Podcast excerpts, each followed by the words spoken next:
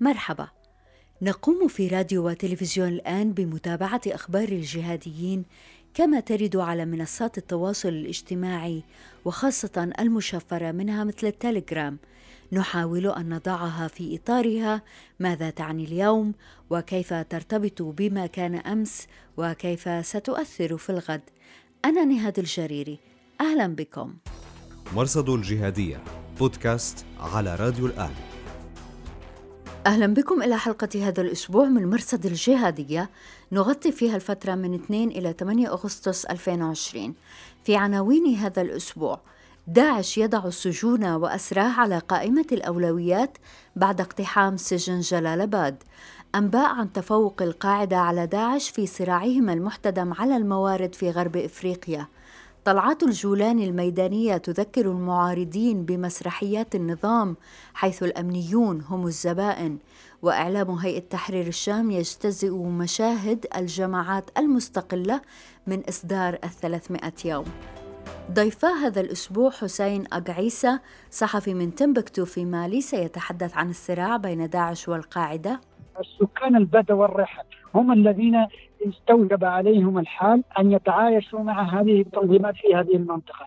سيكون معنا بعد سبع دقائق تقريبا ومعنا اليوم البروفيسور بيتر تشيلسون المحاضر في جامعة واشنطن State ومؤلف كتاب عن سيرة أمادو كوفا أحد زعامات القاعدة في منطقة الساحل. أعتقد أنه واحد من أشدهم خطرا.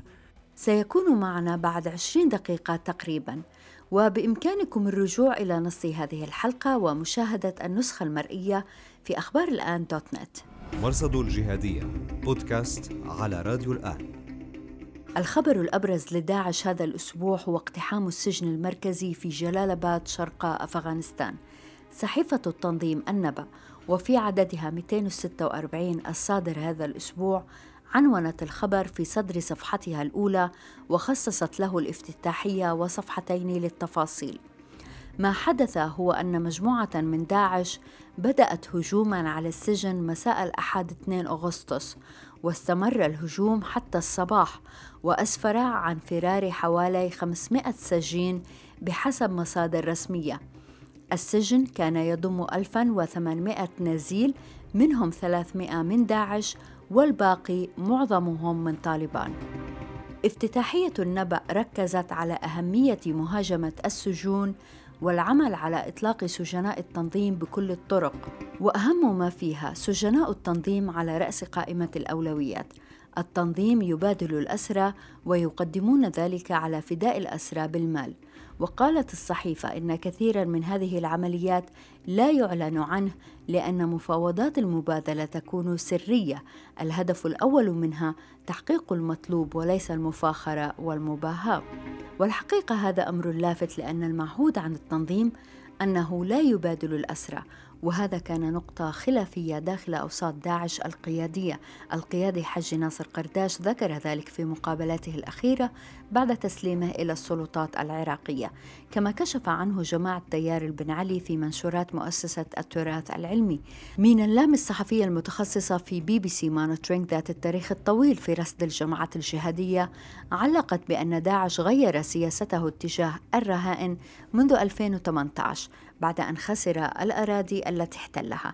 سنعود إلى تعليق مينا اللامي على هذا الحدث لكن أولا ردود الفعل على منصات التواصل الاجتماعي. أصدرت مؤسسات داعش المناصرة فيديو بعنوان هدم الأسوار فيه مشاهد من اقتحام سجن أبو غريب في يوليو 2013 معرفات داعش سخرت من أنصار طالبان الذين قالوا إن الهجوم خطة مدبرة من الحكومة الأفغانية وداعش بهدف إحراج طالبان. وتندروا حول كيف ستتعامل طالبان مع سجنائها الذين فروا وسألوا هل ستقوم بإرجاعهم وجعلهم يوقعون على إقرار بعدم العودة إلى العنف ومن منهم سينضم إلى تنظيم داعش. وفي هذا تذكير بأن الحكومة الأفغانية عندما تطلق سراح سجناء طالبان في عملية تبادل أسرى تجعلهم يوقعون على ورقة بعدم حمل السلاح ثانية. حسابات القاعدة المعهودة لم تعلق على الحدث حتى الآن. ولفت حساب باسم ناصح أمين مقتفي الأثر وهو من الحسابات الموالية لتيار البن علي.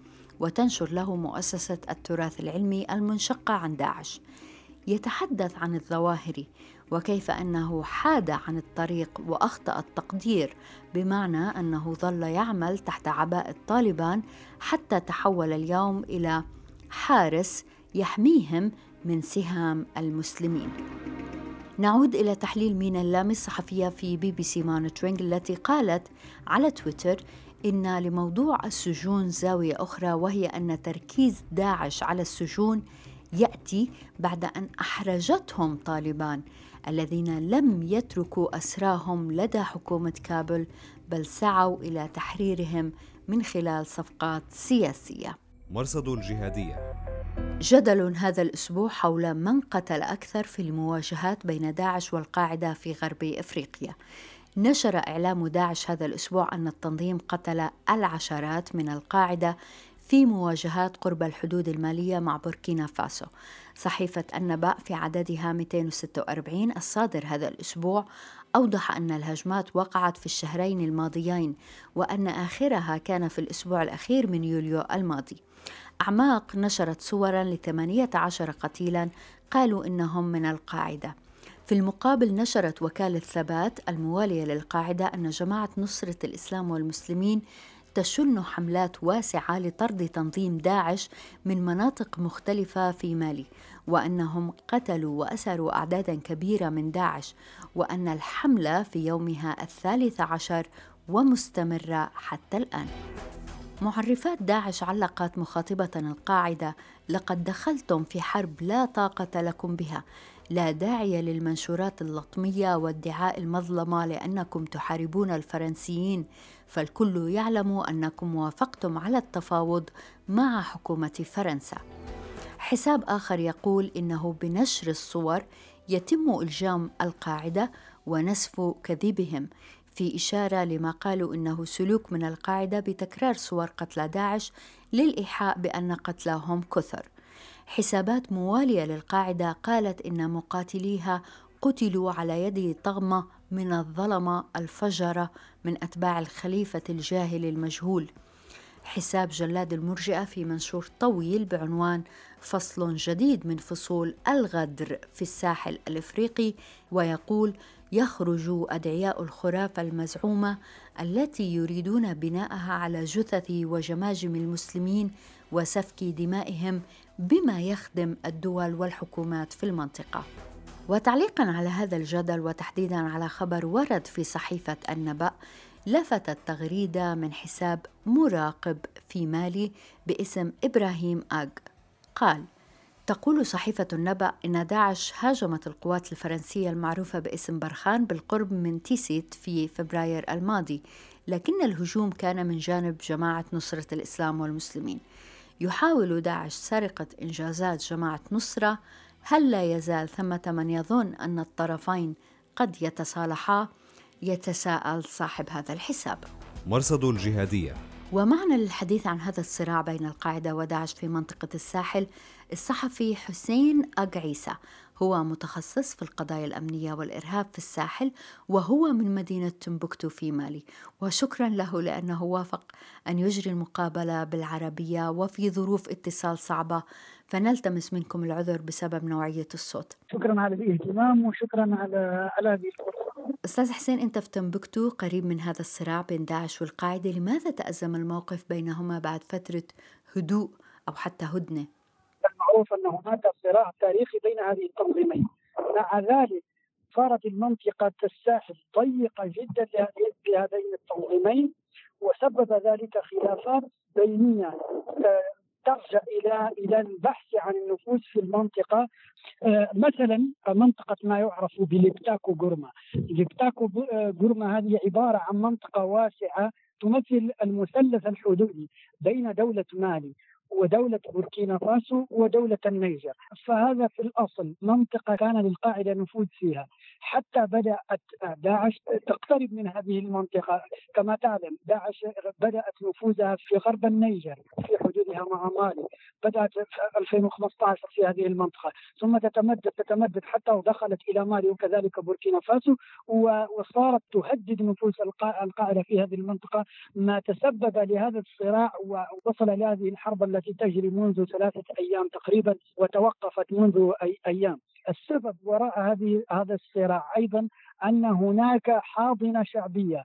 كل طرف يريد أن يكون آه، ذا نفوذ وذا كلمة في هذه المنطقة وذا حاضنة شعبية معروفة في هذه المنطقة التي تعتبر منطقة استراتيجية بإمكان صاحب القرار في هذه المنطقة أن يجمع عليه القرار في في ثلاثة دول وهي الدول الاستراتيجية والدول الكبيرة في منطقة الساحل مالي والنيجر وبوركينا فاسو.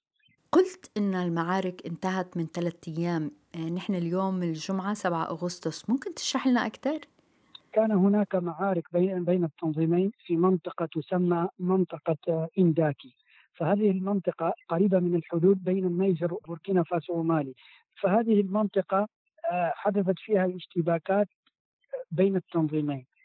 حتى يعني استطاعت جماعة نصرة الإسلام والمسلمين تمكنت من ضيق الخناق على مقاتلي جماعة آه، تنظيم الدولة داعش آه، في هذه المنطقة وانسحبت هذه الجماعة إلى داخل الأراضي البوركينابية.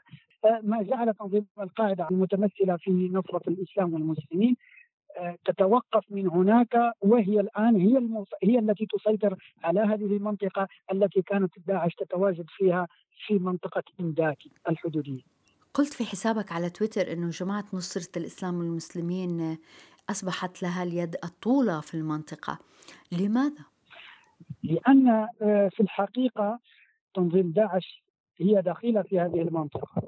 لما دخلت هذه المنطقة حاولت أن تقوم ببعض بعض الإجراءات أو بعض بعض القرارات التي يراها الشعب يعني تختلف على مبادئه وكذلك عن العادات والتقاليد التي كانوا يتعاملون معها مع نصرة الإسلام والمسلمين والقاعدة في هذه المنطقة آه، سابقا.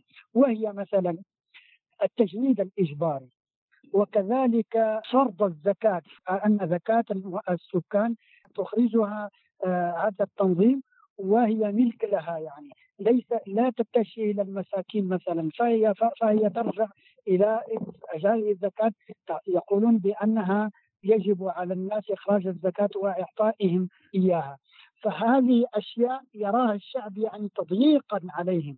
ما جعل يعني حرب نصرة الإسلام على داعش حربا مرحبا به من قبل السكان المحليين كيف يعيش الناس في ظل هذا الإرهاب سواء من القاعدة أو داعش أستاذ حسين؟ السكان البدو والرحل هم الذين استوجب عليهم الحال أن يعيشوا أن يتعايشوا مع هذه التنظيمات في هذه المنطقة.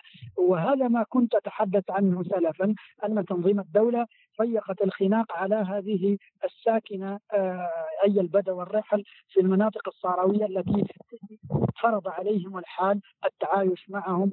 ما جعلهم اليوم يؤيدون حرب نصرة الإسلام على هذا التنظيم الذي يرونها تنظيما دخيلا.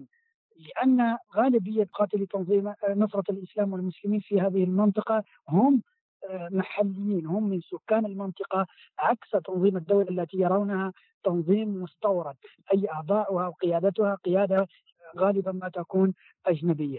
أعني به الدول آه، غير مالي وبوركينا فاسو والنيجر الأستاذ حسين أق عيسى الصحفي المقيم في تمبكتو مالي والمتخصص في الجماعات الإرهابية في الساحل.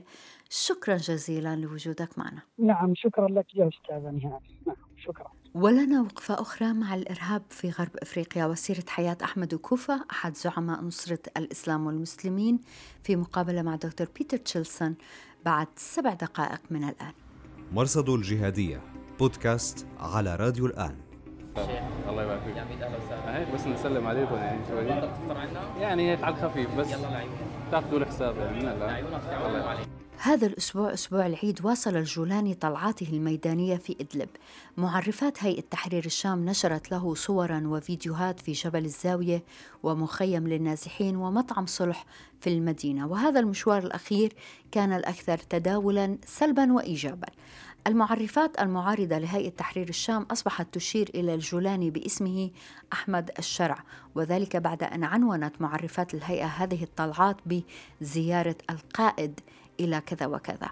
حساب جرابلس News المعارض علق على غرار مسرحيات النظام أمنيو الهيئة هم الزبائن.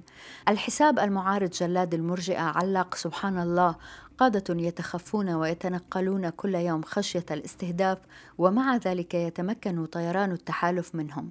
وقادة يتمشون بالشوارع والمطاعم ومع ذلك ترى الأمور طبيعية. معرفات داعش استهزأت بهذه الطلعات.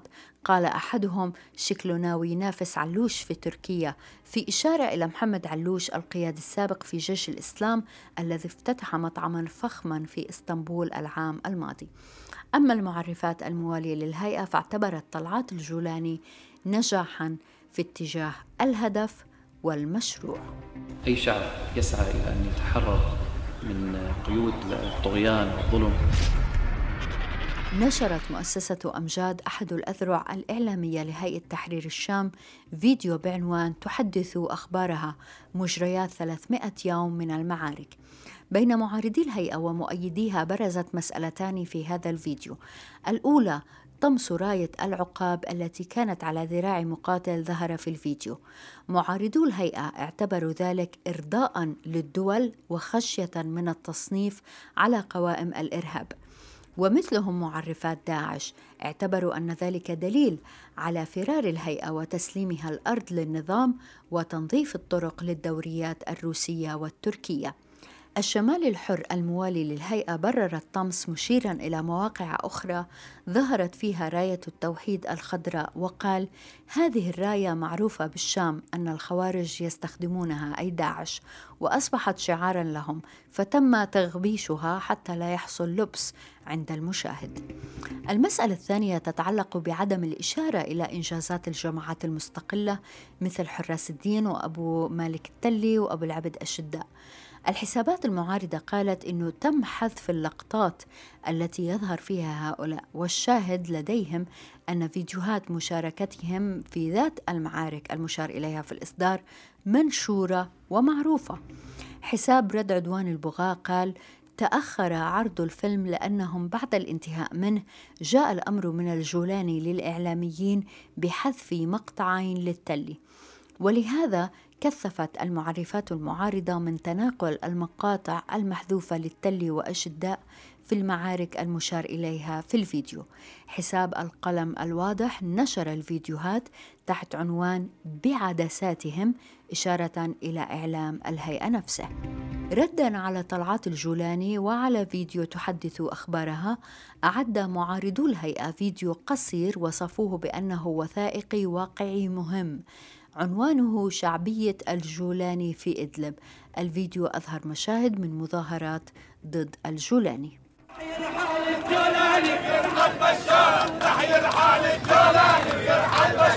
يا جولاني الطهراني اسمك مجهول. مرصد الجهادية. تواصل هيئة تحرير الشام إجراءاتها ضد المستقلين حتى تحكم قبضتها على العمل العسكري في إدلب. حساب رد عدوان البغاء المعارض قال إن الهيئة تقوم بالضغط على كوادر وقادة الحراس الذين في سجونها للتوقيع على بيان خروجهم من الحراس بهدف إضعاف جماعتهم. كما تناقل المعارضون ما قالوا إنه تعميم داخلي من الهيئة يقضي بأن يمتنع لواء عمر بن الخطاب أحد المكونات العسكرية للهيئة عن استخدام أي شعار أو راية في المقرات أو على اللباس العسكري غير الراية والشعار المعتمدين من قيادة الجناح العسكري المعارضون قالوا إن هذا مقدمة لاندماج الهيئة مع الجيش الوطني المدعوم تركيا وبالتالي شعارات مثل راية العقاب قد لا تكون مناسبة وقد لا تروق لتركيا. مرصد الجهادية بودكاست على راديو الآن. في غرب إفريقيا يبدو أن الجماعات الموالية للقاعدة تتفوق على داعش، لكن إلى متى؟ الجواب يعتمد على شكل التحالفات التي قد تصنعها الأطراف المعنية سواء فيما بينها أو مع المجتمع المحلي أو المجتمع الدولي، وهذا يعتمد على النزعات الفردية للقادة. بشكل غامض تم التخلص من دروكديل زعيم القاعدة في المغرب الإسلامي ولما يعلن بعد عن خليفة له. لا يزال في الساحة إياد أغالي زعيم أنصار الدين وتحالف نصرة بالإضافة إلى مختار بالمختار زعيم مرابطون وأحمد وكوفة زعيم جبهة تحرير مسينة وعند هذا الرجل نتوقف اليوم. وصفه الدكتور بيتر تشيلسون الذي كتب سيرته بأنه أخطر جهادي في غرب إفريقيا. بروفيسور بيتر تشيلسون هو محاضر في جامعة واشنطن State حاز جوائز عالمية على كتبه التي وثق فيها رحلاته إلى أفريقيا خاصة مالي. عمل في الصحافة ونشرت مقالاته في Foreign Policy و Consequence.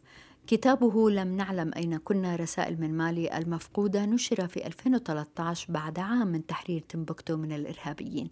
شكرا جزيلا بروفيسور لوجودك معنا. Thank you. في 2019 قدمت محاضرة في معهد فولي وقلت فيه أن كوفا كان أخطر جهادي في غرب إفريقيا كيف توصلت إلى هذه النتيجة؟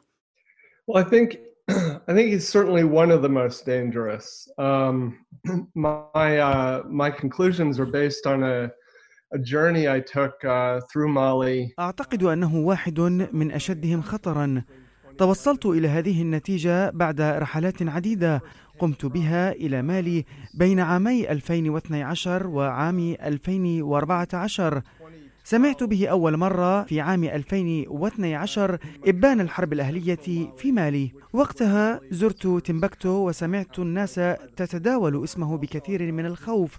ينتمي الرجل إلى قبيلة فلانية في منطقة تمبكتو في بداية حياته كان رجل دين أو مرابط لكنه أسس لنفسه صيتا بأنه عالم إسلامي ذو نفوذ.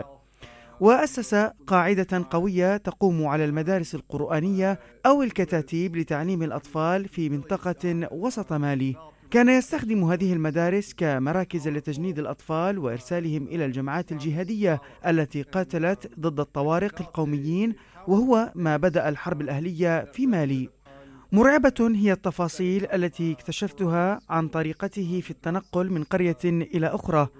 فكان يقلل من شأن السلطات المحلية هناك حتى يصبح الرجل الأقوى بما يشكل خطرا على الأهالي وأبنائهم ونظام الحكم المحلي بأكمله. فقد يلجأ إلى توجيه اتهامات خطيرة إلى زعماء القرية من قبيل أنهم يخونون الإسلام وهذه اتهامات مرعبة في الإطار الثقافي العام للمنطقة في زمن الحرب الأهلية. استغل هذه الظروف ليبني قاعدة لتجنيد الأطفال وتسليحهم الطريقة التي استغل فيها الصغار والكبار في كل قرية مرعبة حقا وأثارت لدي شكوك حول التزام هذا الرجل بالإسلام التزاما حقيقيا فكان يستغل الإسلام كغطاء لطموحه السياسي وبسط نفوذه في وسط مالي and religious power in, in central Mali. In central Mali is where he operates. هل يمكن بروفيسور تعطينا أمثلة على استخدام الإسلام غطاء لتحقيق مصالح شخصية؟ In uh, in Sarakoro Dogon, uh, which was the, the the one village that was sort of the his major base. It was a place where he set up one of his first madrasas. قرية سارا كورودوغون تشكل أكبر قاعدة لنفوذه هنا أقام أول مدرسة دخل القرية على أساس أنه مرابط فقير يعلم الأطفال ويخطب في الناس اقتات على حسن معاملة القرويين له وبدأ بإمام جامع القرية الذي منحه المأوى والمأكل والملبس بعد بضعة أشهر استحكم في القرية. فما كان منه إلا أنه انقلب على الإمام واتهمه بالإساءة إلى القرآن وسب الذات الإلهية والكذب في رواية سيرة الرسول. ولم يكن لديه دليل على أي من تلك التهم بالرغم من أن الإمام نفى كوفا من منزله. إلا أن كوفا في ذلك الوقت كان وضع لنفسه موطئ قدم بتأسيس المدرسة ثم انتقل إلى قرى أخرى وهدد حياة الأئمة هناك. وبحسب ما أعرف القرآن يحرم قتل المسلمين من دون وجه حق. لكن ذلك ما ميز أسلوبه في الاستحواذ على السلطة. لم يكن يتردد في قتل أي مسلم يقف في طريقه. تهديده لم يقتصر على الأئمة وإنما تجاوزهم إلى المخاتير وأعضاء المجلس القروي. وهذه قصة قرية سارا كورودوغون التي تبعد ستة كيلومترات عن مدينة سيفري القريبة من المدينة الأكبر موبيتي في وسط مالي. كان يدهشني كم يستهتر بحياة الناس ويستغل الأطفال. كان يهدد الأهالي إن أعربوا عن شكوكهم حول الطريقة التي يتعامل بها مع أبنائهم وبناتهم. وثارت تساؤلات حول طريقة زواجه بواحدة على الأقل من زوجاته بعد أن هدد أهلها. أود أن أؤكد هنا على أنني لم ألتقي بأحمد كوفا. حاولت إجراء مقابلة معه ولا أدري إن كنت سأكون هنا لو أنني التقيته لكنني تتبعت خطاه في وسط مالي لمدة um, شهرين.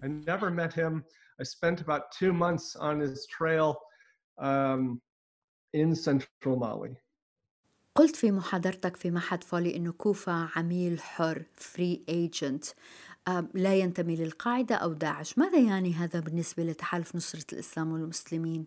Well, I, I, I think first and foremost his ambition is to rebuild uh, the, the jihadist movement of the old Messina Empire. طموحه هو أن يعيد بناء الجماعة الجهادية التابعة لإمبراطورية ماسينا القديمة وأن يؤسس خلافة وأن يكون هو الخليفة. هو يفهم التاريخ فهما جيدا حتى إن قرية سارا كورودوغون قريبة من عاصمة إمبراطورية ماسينا راعية الجهاد الفلاني في القرن التاسع عشر. قامت الحكومة المالية منذ مدة بترميم المكان كإرث حضاري. لكن كوفا وضع له موطئ قدم هناك حتى يوحي بهذه العلاقة بينه وبين ذلك التاريخ وأن ينصب نفسه متحدثا بل وقائدا باسم تلك الجماعة الغابرة التي لها جذور أيضا في تاريخ الإمبراطوريات الجهادية في المنطقة مثل خلافة سوكوتو. لهذا أعتقد أن ما يحرك الرجل أولا وقبل كل شيء هو طموحه ورغبته في أن يكون شخصا متنفذا أعرف هذا عن شخصيته وأعرف أن ارتباطه بشخص مثل إياد أغالي هو من أجل مصلحة شخصية. بالرغم من أن أغالي يتفوق عليه في المكانة فهو رجل يكتسب سلطة من التحالفات والعلاقات التي يقيمها. همه الأول والأخير هو أن يكتسب قوة أكبر. من الصعب حقيقة أن نحدد من له اليد الطولى في العلاقة بين داعش في الصحراء الغربية وبين القاعدة والمنظمات المتحالفة معها. لم أذهب إلى مالي منذ عام 2014 لكن يبدو لي أن القاعدة تفوقت قليلا على داعش. ويبدو لي أن الرجل يميل مع الجهة الأقوى. لا أصدق إطلاقا أنه مسلم حقيقي. واعتقد أنه عندما قرر ضم جماعته إلى تحالف نصرة الإسلام والمسلمين إنما كان يسعى إلى مصلحة شخصية وهي أن يكتسب نفوذا أكبر مستغلا هذا التحالف. كيف يمول نفسه ونشاطاته؟ من أين جنى ثروته؟ Uh, he sustained himself financially through the madrasa system. يجني المال من نظام المدارس التي أسسها. يبتز الأهالي ويجبرهم على دفع المال له. في منطقة الساحل وبسبب الفقر الشديد يلجأ الأهالي إلى وضع أبنائهم تحت تصرف المرابط أو رجل الدين حتى يعلمهم ويرعاهم.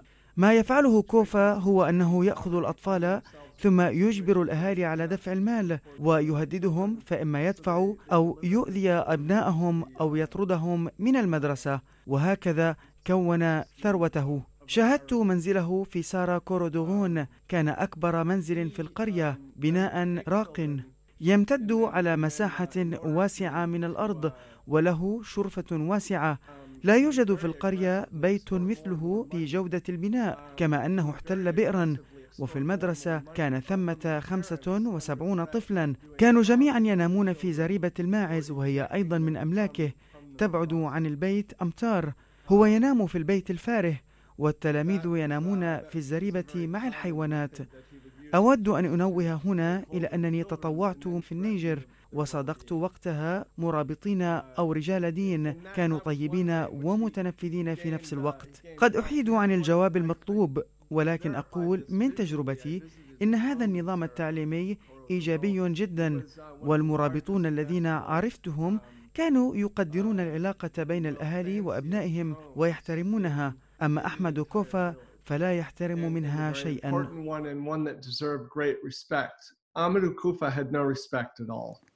نريد أن نعرف أكثر عن المقاتلين الأطفال. كيف كان يعاملهم كوفا؟ Well, um, one of the things that I that I discovered uh, in Kona من الأمور التي اكتشفتها في قرية كونا في عام 2013 وكان مر على الحرب الأهلية عام واحد أنه خرجت من تمبكتو جماعتان من الجهاديين في اتجاهين مختلفين استعدادا للتوجه إلى الجنوب واحتلال باماكو. تمكنت جماعة كوفا من احتلال كونا ليوم واحد فقط. أخبرني الأهالي هناك أنه دخل القرية في استعراض عسكري من جهاديين شباب وأولاد صغار. فتعرف بعض الأهالي على أبنائهم بين هؤلاء الجهاديين. ما حدث هو أنه في وقت ما من عام 2012 عندما بدأت الحرب الأهلية في مالي اختفى أحمد كوفا من قرية سارا كوردوغون في وسط مالي بل اختفى من جميع القرى التي أسس فيها مدارسه والتي استقطبت عددا كبيرا من الأطفال. قال قرويون وقتها إن أبنائهم اختفوا في نفس الوقت الذي اختفى فيه كوفا ولم يدرك أحد وقتها أن كوفا أخذهم إلى معسكرات للتدريب حيث حولهم إلى مقاتلين وقد تم توثيق حالات المقاتلين الأطفال في الحرب الأهلية. وقعت مواجهة بينهم وبين الفرنسيين وللأسف قتل الفرنسيون منهم والأمم المتحدة حاولت لم شمل بعضهم مع أهلهم لكن في ذلك اليوم من يناير 2013 عندما سيطر الجهاديون على بلدة كونا ظهر مرة أخرى في حياة الناس وذاكرتهم وجال بالأطفال في هذا الاستعراض العسكري. And uh, their children were, were part of his, of, of his parade. بروفيسور بيتر تشيلسون المحاضر في جامعة واشنطن ستيت شكرا جزيلا لوجودك معنا. Thank you so much. إلى هنا أخبار المرصد هذا الأسبوع. بإمكانكم الرجوع إلى نص الحلقة ومشاهدة النسخة المرئية في أخبار الآن dot net. شكرا جزيلا لوجودكم معنا في راديو وتلفزيون الآن. أنا نهاد الجريري. مع السلامة.